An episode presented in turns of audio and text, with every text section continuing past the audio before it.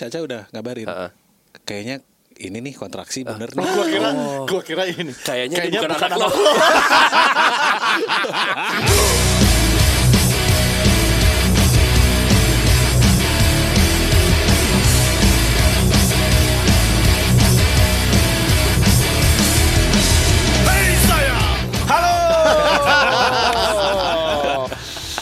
Selamat datang di podcast pertama Seringai. Iya. Kenapa seringnya jadi bikin podcast sih? ya karena manggungnya nol. Kenapa lagi? Ini semua karena perkovitan ya. Iya. Iya. Jadi untuk yang belum kenal Seringai, eh, kami berempat ada semuanya lengkap di sini. Ada vokalis Aryan 13, gitaris Ricky Sihaan, Semi Yo. Bramantio, basis dan drummer Edi Kemot. Yes. Kita Bahkan berempat. manajernya pun hadir di sini. Ada, ada, ada. Wendy juga di sini, Wendy Putranto. Yo, lengkap. ini kita salah satu yang kita mau bahas ini memang eh, sedikit banyak ada hubungannya sama eh, COVID-19 mungkin ya, coronavirus. Ini adalah sesuatu yang harus kita korbankan demi main band. Kurang lebih seperti itu ya. Guideline yang kita mau omongin hari ini ya. Iya. Salah satunya ya hari ini. Iya. Kita mengorbankan resiko kami untuk menjadi sehat secara individual untuk rekaman podcast. Hashtag di rumah aja. Enggak. ini aja gue nggak tahu. Mic ini bekas siapa gue nggak tahu. Iya, bekas gua kemarin. Tuh kan. Heeh. Dan kemarin abis gue jilat-jilat juga sih. ya udah gue Iya. jilat balik deh. Semakin cepat terkena. Iya, pastinya, pastinya. Kalian sebagai eh, Tapi pelaku apa-apa. Mot. karaoke. Nggak apa-apa, Mot. Kenapa? Badan pendek, umur pendek. bangsa. Itu bukan hiburan. bukan. Bukan hiburan. Morbid jokes. Iya. ya. Padahal kalian ini sebagai carrier gara-gara karaoke karaoke. Coba lu bayangin di tempat-tempat karaoke itu saling berbagi ludah di mic karaoke-nya. Itu udah gue pikirin. Ah udahlah, social distancing apa? Orang mic karaoke aja bagi-bagi, Iya, kan? ganti-gantian. Itu udah agak susah tuh. Nah itu tuh udah pengorbanan kita dari personil Iya. yang lain untuk bertemu kalian. Iya iya iya. Sebagai performer ya salah Sebagai satunya. Kalau yang tadi ya. Iya iya iya. iya. Ini adalah sesuatu yang kita harus terima sebagai pemain band untuk banyak mengorbankan kegiatan ini dan itu untuk kita eh, manggung, misalnya keluar kota dan lain-lain.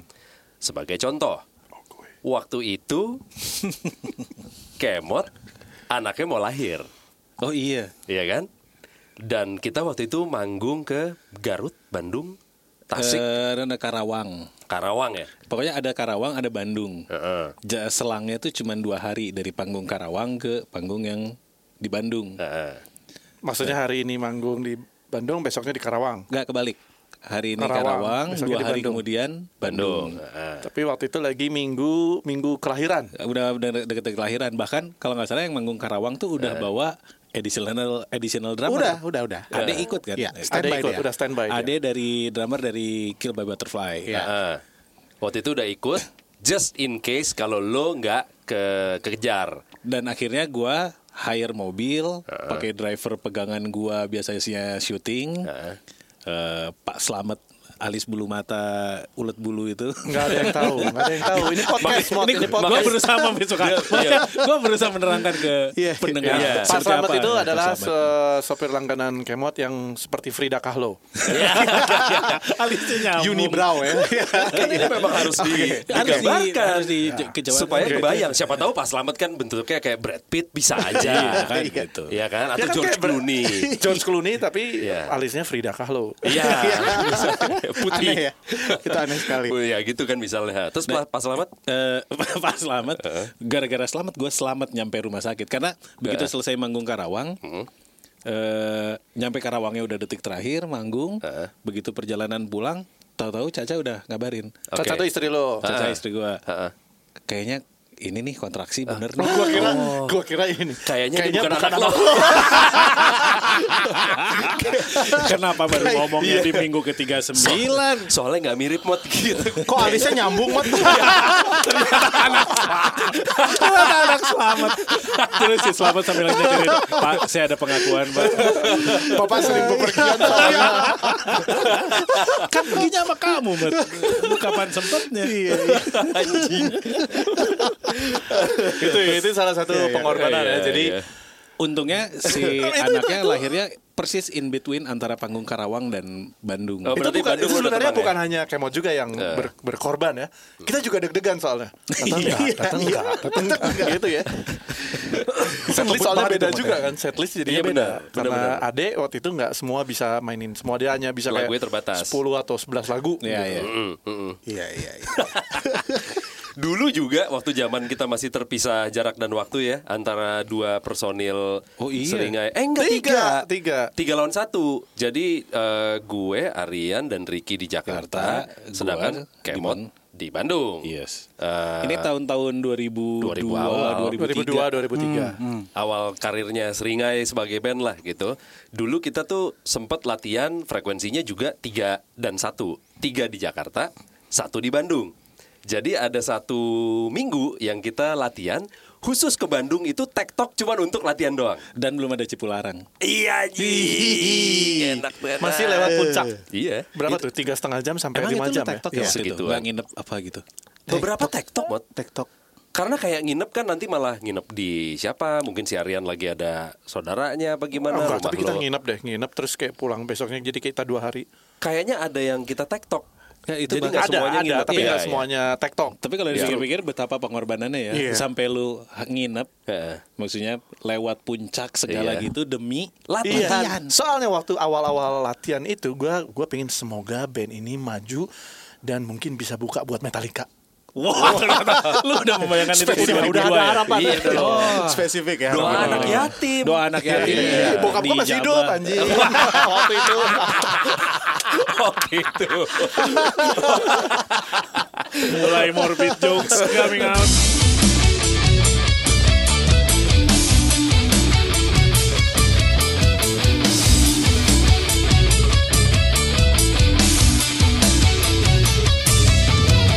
Kita nggak usah ngomongin ulang tahun ulang tahun deh.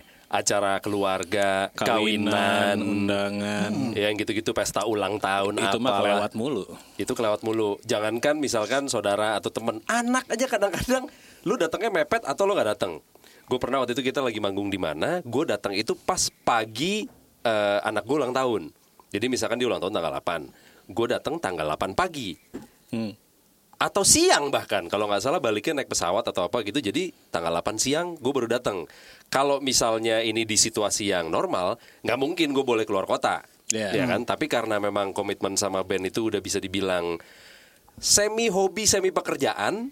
Semi keluarga. semi keluarga. Jadi ya udah. Kita Semi jadinya, jadinya boleh. Jadi Nah, tapi sebenarnya ada yang menarik sih. Sejak kapan seringai ini mulai terasa seperti pekerjaan? Jadi komitmen lu harus ekstra dibanding sekedar hobi.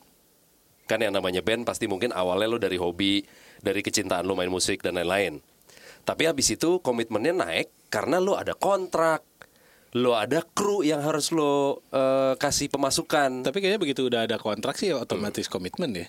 Oke. Tapi kalau gue dulu tanpa kontrak pun kalau misalnya emang karena passion gue seneng main band, misalnya kita udah main eh, harus main di luar kota nih, Eh, Budget Nggak, masih underground. under- masih underground. Wah ini ini gue pengen main di situ emang. Oke. Itu kalau alasan untuk mengcancel itu tidak terlalu penting, Heeh. Dibela-belain. gue bela-belain main band. Oke. Oke. Iya iya. Gue juga gitu. Maksudnya ini ya cinta butuh pengorbanan tuh ya ini. gitu. Iya. Banyak ya. Iya. Tapi kan emang pengorbanan ini tuh dilakukan sejak dulu bukan cuman begitu kita professionally bermain band.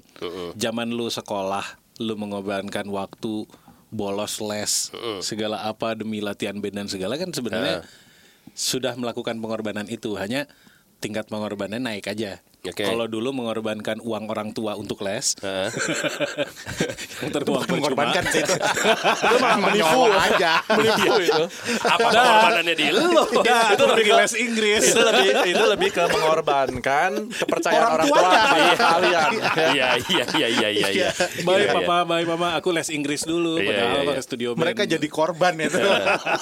Iya. Ya tapi kan setelah manggungnya banyak, mungkin nggak 100% semua titik manggungnya itu emang lo dalam tanda kutip kayak emang lo pengen atau perlu dong. Dalam arti ini misalnya, lu udah manggung hari Jumat di Semarang, terus udah gitu hari Sabtunya lu manggung di Makassar, terus hari Minggunya lu manggung di Klaten gitu. Tuh udah lumayan capek dong. itu apakah di situ mulai terasa anjing nih kerja sih? Gua capek, gua ngantuk, badan gua pegel. Tapi begitu naik Tapi panggungnya hilang. Nah, klise nggak? Eh, Apanya nih klise? klise apa Begitu sih? naik panggung semuanya terasa worth it. Itu klise nggak? Kalau panggungnya oke, kalau misalnya panitia yang ngaco, sound system yang Iya, ngaco, udah capek-capek.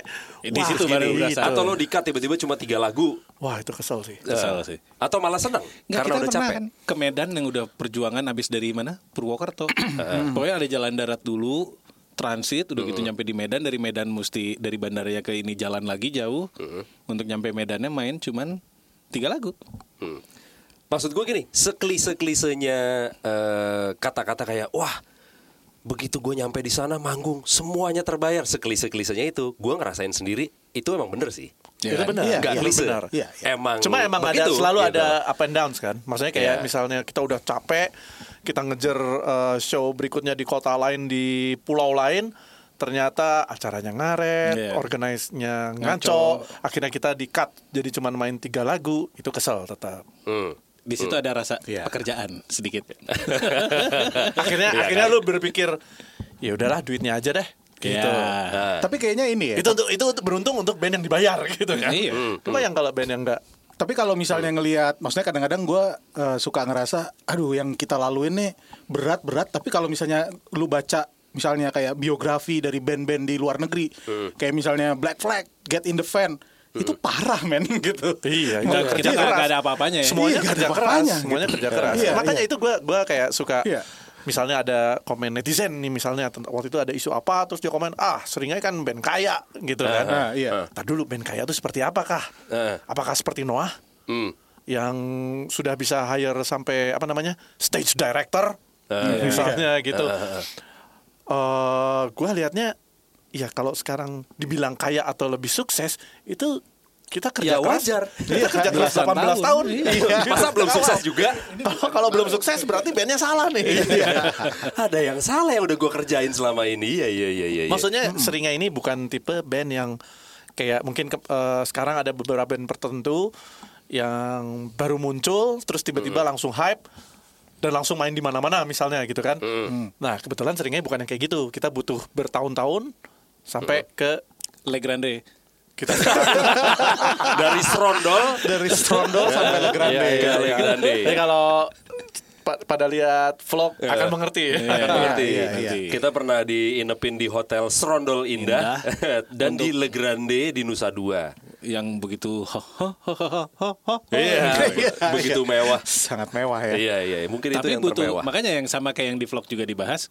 Mungkin kalau band lain dengan genre yang lebih populis akan mencapai Le Grande dalam 2 3 tahun. Udah Oke. dapat hotel Le Grande. Ha-ha. Kita butuh sekian belas tahun Ha-ha. untuk nyampe Le Iya. Grande tapi membawakan musik Yang kita yang suka. Ha-ha. Jadi sebenarnya kan pengorbanannya itu adalah pengorbanan bermain band di genre yang spesifik ini gitu juga. Berarti apakah Seringai itu idealis kah dengan seperti itu? Kalau gue bilang ya, mungkin kita idealis tapi yang tidak terjebak antara kayak idealis atau enggak. Karena menurut gue secara apa yang kita suka yang kita bikin di Seringai ini ternyata bisa cukup diterima sama orang yang cukup banyak untuk mengantar kita di tahap ini menurut gue ya bisa di eh, analogikan atau dibuktikan dengan kita main di Bekasi bergetar tapi main juga di WTF Ya. Iya With kan? the Fest. With the Fest, gitu kan? Padahal kita nggak membuat musik kita untuk with the fest friendly kan? Enggak. No, right? Nah, tapi main. Tapi juga di Bekasi bawah tanah main misalnya. Jadi kayak idealis mungkin, tapi somehow formula yang udah sering saya ciptakan ini tuh ap- applicable untuk banyak eh, genre gitu. Genre Bisa, festival. Ya nggak? Iya iya. Gue sih nggak pernah eh, menurun apa ya? Me- Berkompromi. Berkompromi karena misalnya uang gitu. Maksudnya banyak tawaran-tawaran yang menarik. Tapi kalau misalnya eventnya gue tidak membuat gue tertarik, Panggil. ya gue juga tolak aja. Sebenarnya kalau idealis atau enggak sih sebenarnya nggak terlalu dipikirin masalah idealis atau tidaknya ya. Sebenarnya yang nyaman aja buat kita gitu. lebih nyaman aja, lebih Iya, iya. nyaman apa yang kita lakukan, lu nyaman nggak gitu. Hmm, hmm. Tapi kan ada orang yang ya gue nyamannya begini, tapi ternyata genrenya memang tidak difavoritkan oleh banyak orang misalnya. Itu mungkin karena kebetulan latar belakang kita dengan knowledge kita Heeh. membuat kita berhasil meramu formula yang accessible ke banyak inilah. Nah, gitu. itu itu lebih ke pilihan juga sih, ya kan? Lu bikin musik sekarang misalnya nih, Heeh. bikin musiknya mungkin ngejelimet se pop, tapi jelimetnya kayak Radiohead gitu. Oke. Misalnya nih, influence-nya gitu. Iya. Di luar sukses, Heeh. eh, eh, band-band luar kayak gitu. Mm-mm. Di sini mungkin belum ke sana. Jadi bandnya Ya. agak gerak di tempat misalnya gitu. Mm-mm. Tapi nyamannya kan gitu dia. Ya nggak apa-apa Nggak gitu apa-apa. kan. Heeh. Kalau gue bilang mungkin ini juga ya sih kayak si Seringa ini ini kalau pengamatan gue mungkin mungkin untuk musik keras kita cukup ada porsi funnya gitu di situ. Hmm. Jadi itu membuat eh, orang bisa mengapresiasi si Seringa ini nggak cuman dari oh mereka genrenya ini mereka ada pengaruh apa bukan itu tapi lebih eh, lu kalau nonton band ini fun mau mau dia cadas atau enggak tapi Fun. fun, nih seru nih party nih Karena gitu. gua buat gua kayaknya kalau kita main kita cukup all out. Oke. Lu mau main di depan lima orang, lu mau main di Iya. lima ribu orang, energinya sama gitu. Iya, iya. Dan itu membuat orang yang tadinya nggak dengerin seringai misalnya, pas nonton jadi performanya, wah, gua nggak tahu band ini. Wah. Tapi setelah gua nonton, gue jadi suka dan gue jadi cari tahu misalnya kayak gitu. Oh Arian orang latihan aja lo backflip kan? Woo, gitu. salto segala macam Arian tuh. Iya. Latihannya latihan fisik. Segitu all outnya lo gitu. Serigala militia ya, asal lo nggak tahu aja. Lo nggak tahu di sini ada alat rowing gitu. Iya, itu semua Arian all out tuh di situ. All out. Dia kalau latihan dandan pakai jaket kulit, Iya. itu biar bisa bisa merasakan ini ya panasnya suasana. Iya, lebih ke anget itu. jaket kulit soalnya. Oke, Kalau tema menurut lo ada pengaruhnya juga nggak ya? tema. kayak misalnya tema emang tema lirik seringai juga memang mungkin kebetulan relatable dengan eh, misalnya kayak ngomongin tadi WTF ya sama crowd WTF mungkin masih masih relate gitu tapi kayak Oke. misalnya mungkin band-band kayak teman-teman kita juga kayak misalnya jasad gitu lu nyanyi kencing campur nanah gitu. di, di WTF mungkin mungkin bukan bukan itu crowdnya gitu Ewe paksa gitu tuh. Itu agak kurang ya. atau Iya, ya iya. mungkin emang bukannya bukannya gimana ya tetap keren tapi bukan di situ aja gitu Iya, iya. gitu jadi emang emang nyambungnya mungkin lebih ke anak metal Oke. misalnya Heeh. tapi kalau seringnya mungkin lebih lebih lu apa temanya mungkin lebih bisa Iya. ya anak nggak su- nggak harus suka metal pun bisa bisa relate dengan tema itu Tapi misalnya. untungnya semua keputusan itu tuh kita tidak mengorbankan apa pun. Maksudnya memang kita mau melakukan itu bukan jadi kita berkorban selera estetik kita supaya diterima sama WTF apa segala untungnya nggak begitu gitu. enggak sih Iya, iya, iya. Jadi kalau ngomong idealisme sebenarnya sama kadar idealisme kita ini sama ewe paksa tadi gitu ya. itu sama idealismenya. Hanya keputusan yang diambil aja berbeda. Ini buat yang buat, buat yang uh, bukan anak metal kalau mendengarkan ini, jadi ini sebenarnya kalau band-band yang apa ekstrim itu uh, lucu-lucu lagunya juga suka ekstrim ya. Iya, ada betul. ada sebuah Iya. band ada be- sebuah band punk yang judul lagunya ewe paksa. Betul. Dan ini beneran. Beneran ini beneran kita bukan bercanda ini beneran. Silakan Ada di search di YouTube Iya, ya. search Nanti aja. lo akan nemu. Tapi Iya. tapi itu ekstrim ekstrim terakhirnya minta maaf. Lu dengerin aja deh.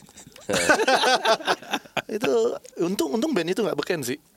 Soalnya itu itu masuknya rape culture. Iya, betul, Iya, betul. Iya. Gila. Kalau itu ada ribuan orang chanting ewe paksa, ewe paksa itu Wah, enggak, enggak, enggak, enggak, enggak, itu enggak, enggak, enggak, enggak. Ewe, ewe. Apa ini? Lo request gitu, Bang Rike, ewe paksa, gitu tuh enggak tuh ya.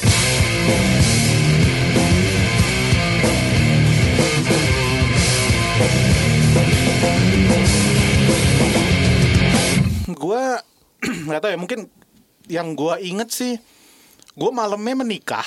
Nah, itu capek banget ya. Menikah itu menikah itu sebuah harap harap harap di ini ya diperjelas Eh. Ricky menikah dengan eh, tradisi Batak Iya. Yes. yang berarti Melelahkan. kurang lebih tiga hari tiga malam durasinya ya. Iya. Iya, iya, iya. Jadi sangat melelahkan. jadi ada masa-masanya Ricky dan istrinya duduk di pelaminan sambil pakai kacamata hitam Karena ngantuk. karena tidur ya enggak deh enggak. bukan lu ya itu ya bukan bukan Tapi itu bisa terjadi ya. Iya, iya, iya. Terus Jadi gue malamnya menikah, terus besok paginya itu Cerai. langsung besoknya Enggak. Oh, enggak. Oh, gitu. ya, ya, Belum, belum ya. sorry, sorry. Iya, iya. sorry, besok paginya itu langsung manggung men. Wow. Besok paginya itu Eh. manggung di TV kalau nggak salah. gue lupa TV apa tuh acara planet Global remaja apa ya Global TV.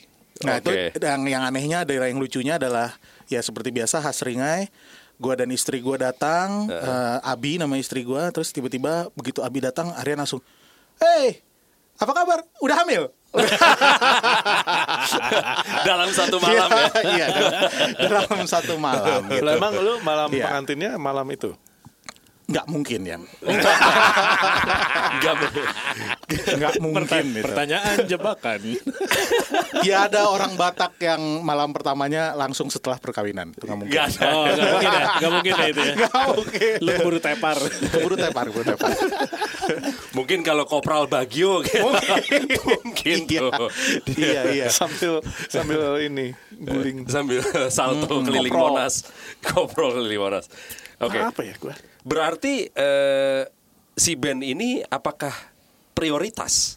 Maksudnya kan kita kan di luar band ada pekerjaan yang lain juga yang mensupport hidup, yang mensupport kegiatan ngebandnya juga dan lain-lain. Apakah in a way jadinya band ini adalah prioritas? Hobi yang prioritas. Gue sih ya. Karena karena sok eh, yang sering kejadian dari dulu dulu adalah kita kerja dapat duit untuk beli alat. Nah, Ketika gitu kan. zamannya seringai dulu belum menghasilkan segitunya, lu beli gitar kan pakai duit lu sendiri. Betul. Ya, sampai sekarang juga. Sampai sekarang juga. Iya kan Iya, maksudnya gitu. iya. Nah, berarti sebenarnya itu. Iya, Maksudnya dulu Ricky beli beli gitar awal-awalnya itu bukan dari menyisihkan dari uang hasil manggung, Betul, bukan. iya. Tapi dari uh, menyisihkan gaji dari ya pekerjaan. Nah, awalnya Sama, gue juga beli equipment gila. Beli apa? Mikrofon Mariah Carey lo itu. Padahal mikrofon pertama gue itu juga kado ulang tahun. Kan ulang tahun mikrofon. itu emang LED yang sering kayak biasa pakai kalau manggung bukan punya Bukan ini. punya ini. bukan, Bukan. bukan, bukan, bukan. Speaker monitor di depan Hah? itu Bukan. punya persewaan. iya benar. GWK punya Bali. Tapi Bukan itu ya, Iya. itu mungkin kalau ngomongin pengorbanan sebenarnya salah satu pengorbanan paling signifikan itu adalah Uang. Uang untuk equipment sebenarnya kalau Iya, untuk benar. sebuah band ya. Benar, benar. Iya kan? Iya. Kita nggak bisa- ini Aryan agak minoritas sih. jadi benar, benar, benar, benar, benar. Karena Karena- tapi kan gue kan gue ini gue kompensasi dengan Ya. gue yang bikin artworknya deh. Lirik biar gue aja Iya. deh. Jadi hitungan, jadi forum hitungan. ya ya udah bikin aja sendiri.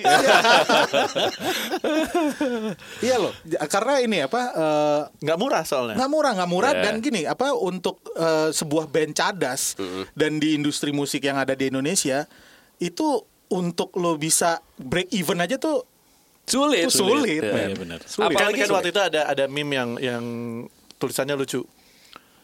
Band underground atau independen beli barang-barang atau equipment seharga eh, misalnya seharga 5000 dolar Hah?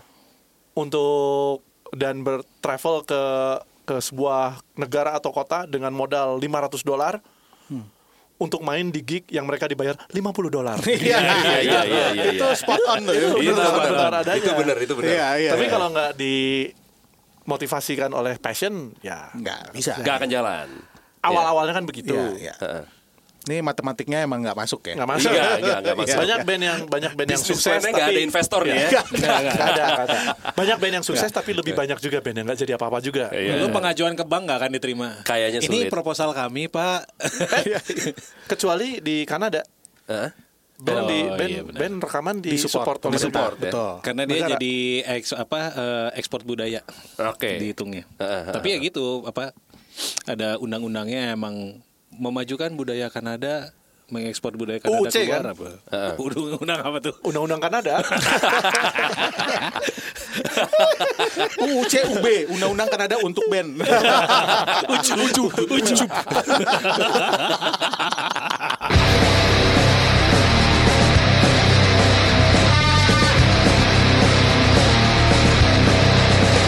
Tahun keberapa Mot lu punya drum set sendiri? Benar juga. Iya. Gue baru beli drum set itu 2007 tahun kelima. Hmm. Oke. Tadinya drumnya kulit kambing gitu kan. beduk beduk beduk beduk masjid Bukan tadinya pakai kotak tuh apa namanya? Kahon, kahon, kahon kahon Kahonnya- kahon 2002 belum ada Kahonnya dua double pedal tapi kayak Ada gede. Ada dua kahon gede. double gitu. kahon. double kahon Iya. Iya sih bener juga ya kapan ya Gue gue juga punya bass pertama itu kayaknya rekaman Serigala Militia deh 2007 sebelumnya lu pakai bass apa Dulu pertama kali banget kita manggung Itu kan Seringai udah bawa bassnya sendiri Itu tuh bass gonogininya Pupen oh bass Fenders Iya, gue yang minta. Oh iya. Fenders to Ham Gue yang Gitu. minta dulu kan, kan gunung ini puban, gue minta bass deh. Heeh. Soalnya band gue belum punya bass. gitu. Akhirnya Iya, pakai benar. itu. Tapi waktu rekaman gue minjem basis eh gue minjem bassnya Pinjem basisnya bass, jadi bukan lo yang main. gue minjem bass basisnya Super Glad. Pak D. Pak D, Giok. Iya. Itu bass apa? Bass musik man Bukan, bukan, bukan. Ah, Ah, lupa ya. hardke. Ernie. Hard ke ba- merek bassnya? Hardke kalau nggak salah ya. itu ampli Bass ada hardke bukan? Ah, fuck lupa gue. Pokoknya bassnya kayak warnanya besi gitu. Kayak ada bordes-bordesnya gitu. Ingat gak lo? Oh iya iya iya iya ingat. Iya kan? Yang selalu digantung di selalu Iya, digantung. Iya iya iya. deh. Iya iya, Oke, gue iya, pakai itu. iya. Gue lupa mereknya apaan ya. Harga apa apa Tapi gitu. kan gitu lu lah. akhirnya beli Music Man kan? Akhirnya gue beli Music Man. Music Man dulu, terus lu nitip calon mertua lu. Ini belum mertua, ini calon mertua lu. Iya iya iya iya Di iya. Australia buat beliin BC Rich. Ya, Rickenbacker. Rickenbacker. Eh, kok BC Rich? Iya, Rickenbacker. Eh, eh, akhirnya dibeliin lah sama mertua gue dari Australia, dari Bay Center di Melbourne. Untung lu masih diridoi ya. Asli, karena itu hand carry. Itu pasti dia sebel-sebel gitu. Nih, nyusahin aja. Iya. pacar anak gua masih pacar lagi. Iya iya iya. Umurnya berapa saat itu dia? ya? 68 apa 67 gitu. dia hand carry. Iya. Ya gitulah. Nah, ini berarti bukan cuma kita yang berkorban ya. Bahkan sampai mertuanya pun ikut Calon berkorban. mertua. calon Calon calon ya. mertua gitu. Ya kan gue harus ngetes ya. Maksudnya dia worthy nggak jadi mertua gue? benar, benar, benar, benar. Tapi mungkin ini juga kali ya apa? Rasanya jadi pengorbanan semua itu dilakukan karena dulu benchmarknya memang bukan untuk jadi sukses atau apa segala, tapi maksudnya emang tadi itu hobi yang passionate to your hobby itu gitu. Ya, gue sebelum sama Seringai, gue dan Ricky juga udah main band udah lama gitu kan. Iya. Emang dari zaman SMA sampai sekarang gue taunya ngeband aja. Iya, iya, iya. Tapi bukan Tapi gue ngerti kalau main band di Indonesia itu kalau band lu namanya bukan Noah atau namanya bukan dulu mungkin Dewa atau Slang atau siapa, siapa ya. gitu, lu mungkin nggak nggak bisa hanya mengandalkan itu doang. Heeh. Hmm. Heeh. Makanya kita Bekerja. tetap bekerja, cari pekerjaan yang kira-kira masih main band tuh masih bisa. Kalau gue gitu dulu. Hmm. Waktu itu gue pas pindah Jakarta dari Bandung, gue ditawarin kerja di sebuah production Eh, house. house. Gua tahu nih. Berapa Iya. gajinya Yan? Ah, 750 ini ribu tahun ya? 2002. 2002 gaji gue itu 2,5. Oke. Eh enggak, Oke di bawah. itu itu itu itu bukan bukan bukan. Satu juta. Nah iya kan? Satu juta. PH sinetron. Iya. Oke. Terus? gue tinggal di daerah Tebet terus gue harus ke Fatmawati jadi pada waktu itu kalau gue naik kendaraan umum gue harus empat kali naik kendaraan umum naik angkot dua kali Naik bus. naik bis sama naik apa tuh yang tak layak dipakai Eh, Kopaja Metro Mini. Iya Metro Mini tak layak dipakai. Anjing, knalpotnya ke dalam Ini kalau pengorbanan sama pekerjaan ya emang juga banyak sih. Maksudnya untuk lo manggung-manggung weekend atau weekday saja, mungkin ada beberapa pekerjaan di luar band atau job atau apa yang lo harus nggak ambil karena lo emang udah committed dengan si hobi lo yang emang lo passionate about ini gitu kan. Sampai misalkan pekerjaan kantor, misalnya kantor harus ada Wah, cuti banget gue. oh gue jadi atau ingat apa. dulu gue tuh eh, waktu setelah dari apa namanya production house itu Heeh. gue ditarik ke sebuah majalah baru namanya MTV Tracks yang kemudian menjadi Tracks Magazine Ya, itu gue ingat pas awal masuk itu gaji gue tuh kayak 2,2 juta itu gue sebagai senior editor oke. nah terus setelah kayak tiga bulan empat bulan gue pengen eh, gue harus eh, bekerja dengan baik supaya gue naik pangkat Mm-mm. menjadi managing editor Oke. kenapa dengan menjadi managing editor gue bisa menugaskan reporter. Jadi gue nggak usah pergi supaya gue bisa main band di weekend. Oh, Benar, taktiknya gitu. Taktiknya begitu. Oh Iya, iya iya, iya iya iya iya iya Itu salah juga. satu pengorbanan paling besar itu mungkin ya. Gitu. Lu harus bekerja dengan baik. Iya. Iya, Supaya dengan, lu naik dengan pangkat. pintar ya. Gitu. Oh iya iya. Dulu sih gue pernah waktu kerja di radio Indika, kita mau dapat tawaran tur sama brand rokok gitu kan. Kalau nggak salah kayak 20 titik atau berapa. Wah, gitu. menjanjikan ya. Oh, menjanjikan lah. Kapan lagi? Bahkan sampai sekarang aja Seringai udah 18 tahun. Belum ada tawaran seperti itu lagi. Belum pernah kita tur 20 kota. Jadi Iya ini kan? soalnya masih da- eh, zaman eh, rokok, brand rokok atau brand apa gitu Turnya jalan tour, jauh-jauh. terus nggak hanya jauh, Eh, masif. panjang, panjang. Iya, titiknya 30 banyak. titik, Iya. 50 titik gitu. Dulu terakhir tuh kayak Jamrut berapa 50 titik atau 100 titik kan? Iya. Dulu Dulu emang masih iya, trennya begitu. Trennya begitu. Semua band yang gede tuh emang ngincer tur karena turnya memang masih ada. Yang sekarang mungkin udah langka banget atau bahkan udah nggak ada. Dan gitu waktu kan. itu kita ditawarkan 30 titik ya. Ya segituan lah pokoknya 20 30 anjing banyak juga ya. Gue pengen dapat Dan pengalaman itu hampir tiap hari gitu kan? Iya, Bukan weekend. Makanya nggak mungkin gue misalkan Jakarta ke Bumen, Jakarta Semarang, Jakarta Surabaya, abis itu Bali, balik lagi Jakarta Su- Sumatera nggak mungkin. Iya. Kota Jadi gua- ke-10 udah Gak basis mungkin. baru. Iya. Mungkin karena gue lebih ke mati ya. karena kecapean ya. Gue bilang lah sama bos gue di radio pada saat itu. Yang kebetulan sebenarnya teman juga gitu kan. Ya kali teman ngerti kali ya kalau temennya punya mimpi gitu. Gue ke tempat dia, gue bilang, Cuti tiga bulan. bos ada tawaran nih. Begini begini begini. Prosesnya berapa lama? Ya kurang lebih mungkin Tiga bulan. dua bulan kali ya, apa satu setengah gitu gue bilang. Jadi gue harus cuti satu setengah bulan sampai dua bulan. Gimana? Wah nggak bisa. Lu kan siaran stripping Senin sampai Jumat. Paling banter juga ya lu cuti 14 hari. Setengah bulan, setelahnya lu nggak bisa. Wah gimana ya? Opsinya gimana? Ya kalau emang lo nggak bisa, ya berarti gue nggak bisa perpanjang kontrak lo. Oke, ya udah, gue keluar. gue bilang gitu. Karena passionnya besar ini Semi ya. Gue keluar dari radio. Udah kan, gue keluar. Wah, sayang banget kalau lu keluar. Tapi ini udah menjadi mimpi gue untuk bisa tur seperti ini di umur yang segini nih, mumpung masih pantas nih, masih bisa nih ngerjain gitu kan. Oh ya udah, ya udahlah, oke, good luck ya, good luck. Oke, udah sebulan, dua bulan kita proses turnya, turnya batal. Bangsat. ini pengorbanan pengorbanan terbesar ini lah. babi, babi. Itu gambling ya. Iya, itu ya. gambling, gambling. Gambling kalah. Kalah. Habis itu gue masuk radio lain deh. Gua nyaris dipecat dulu. Oh iya. Ya, jadi dulu waktu gue bekerja di Rolling Stone, eh, itu ada peraturan kalau karyawan itu tidak boleh side job. Oke. Wah, itu Dan seringnya dihitung sebagai side job. seringnya dihitung sebagai side job. Soleh Solihun teman kita dipecat. Waduh. Iya. Karena siaran itu. Karena dia siaran di radio. Tuh kan. Dipecat. Heeh. Udah, Tuh tukar kan lagi. Tuh kan apa?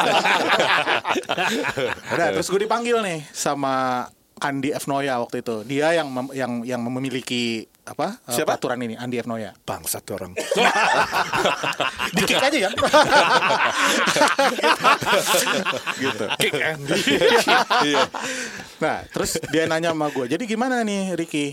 Kamu apa main band ini? Wah, Pak, saya itu main band supaya waras, Pak. gue bilang gitu, jadi gue berargumen sama dia, men. gue berargumen sama dia.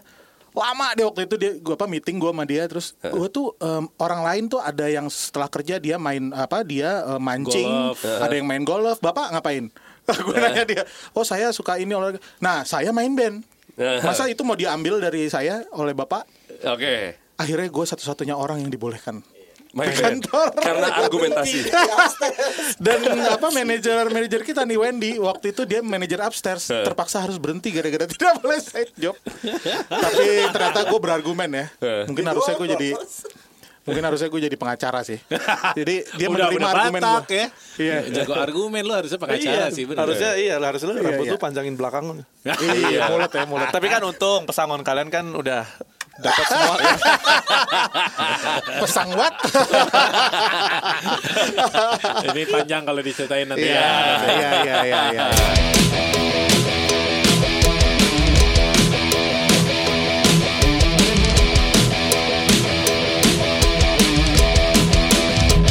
jadi kalau misalnya Serigala Militia mau apa namanya bikin band gitu, siapa tahu terinspirasi dari podcast kita ini segala macam. Terus oh ternyata pengorbanan harus begini, oh passion segala macam, oh harus bersedia untuk bersakit-sakit dulu gitu. Terus lo lagi jadi pengen main band, gak usah.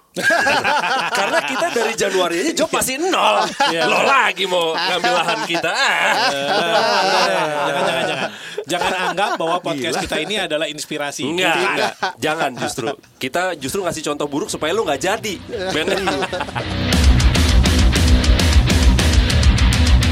Solo